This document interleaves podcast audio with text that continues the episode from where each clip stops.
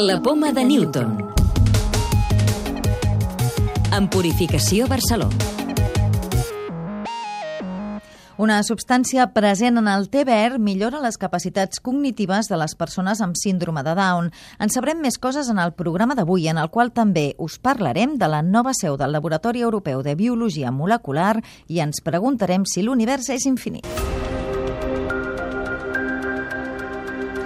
Científics del Centre de Regulació Genòmica i de l'Institut Hospital del Mar d'Investigacions Mèdiques han comprovat en un centenar de pacients que un compost del té verd és eficaç en la millora de les funcions cognitives d'afectats per síndrome de Down d'una manera global i amb efectes que perduren més enllà de sis mesos després de suspendre el tractament. Ens en parlen Rafael de la Torre, director de l'Institut Hospital del Mar, i Mara Dirsen, del Centre de Regulació Genòmica. Una sustancia que, que se llama epigalocatequina galato, que está presente en el té verde, lo que tiene es una propiedad que es inhibidora de DIR1A. Fuimos capaces de, de, rescatar los fenotipos, el fenotipo cognitivo, y la verdad es que lo que vimos a nivel de, de los circuitos neuronales era muy prometedor que ha habido cambios en el cerebro, es decir, que no es fruto de la casualidad. Yo diría que la gracia un poco de la epigalocatequina galato es que el cambio es global. Estas personas mejoran en su fenotipo cognitivo y en su funcionalidad diaria. Tenemos que empezar a pensar que los cuadros de discapacidad intelectual ya no son pues cuadros que no tienen ninguna solución y lo que ha hecho este estudio es abrir la puerta a nuevas investigaciones.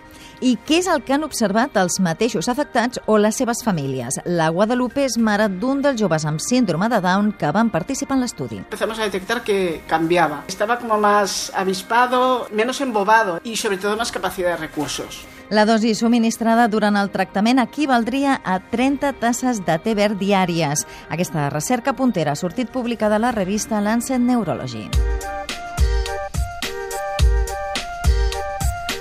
Més coses. Barcelona compta amb una nova seu del Laboratori Europeu de Biologia Molecular. S'ha instal·lat al Parc de Recerca Biomèdica i acollirà vuit grups que investigaran sobre càncer, malformacions congènites i malalties del sistema immunitari.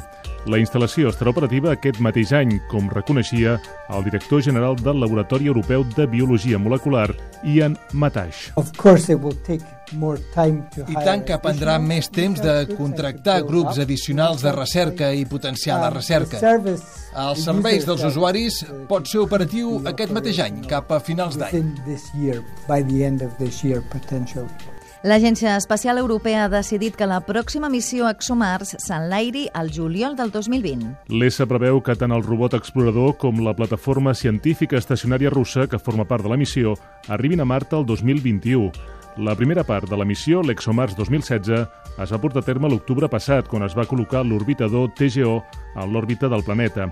Quan arribi l'ExoMars 2020, TGO actuarà com a estació repetidora dels senyals del robot, a banda de continuar amb la seva pròpia missió científica de recerca de vida al planeta vermell. Un equip internacional d'investigadors, liderat per científics del Centre de Recerca en Agrigenòmica de Catalunya, desenvolupa plantes que produeixen grans quantitats d'una substància utilitzada per tractar la malària. Aquests investigadors confien que a mitjà termini la troballa farà baixar el preu dels medicaments contra la malària i així serà més fàcil fer-los arribar als països on aquesta malaltia és endèmica, sobretot a l'Àfrica subsahariana. La clau de volta.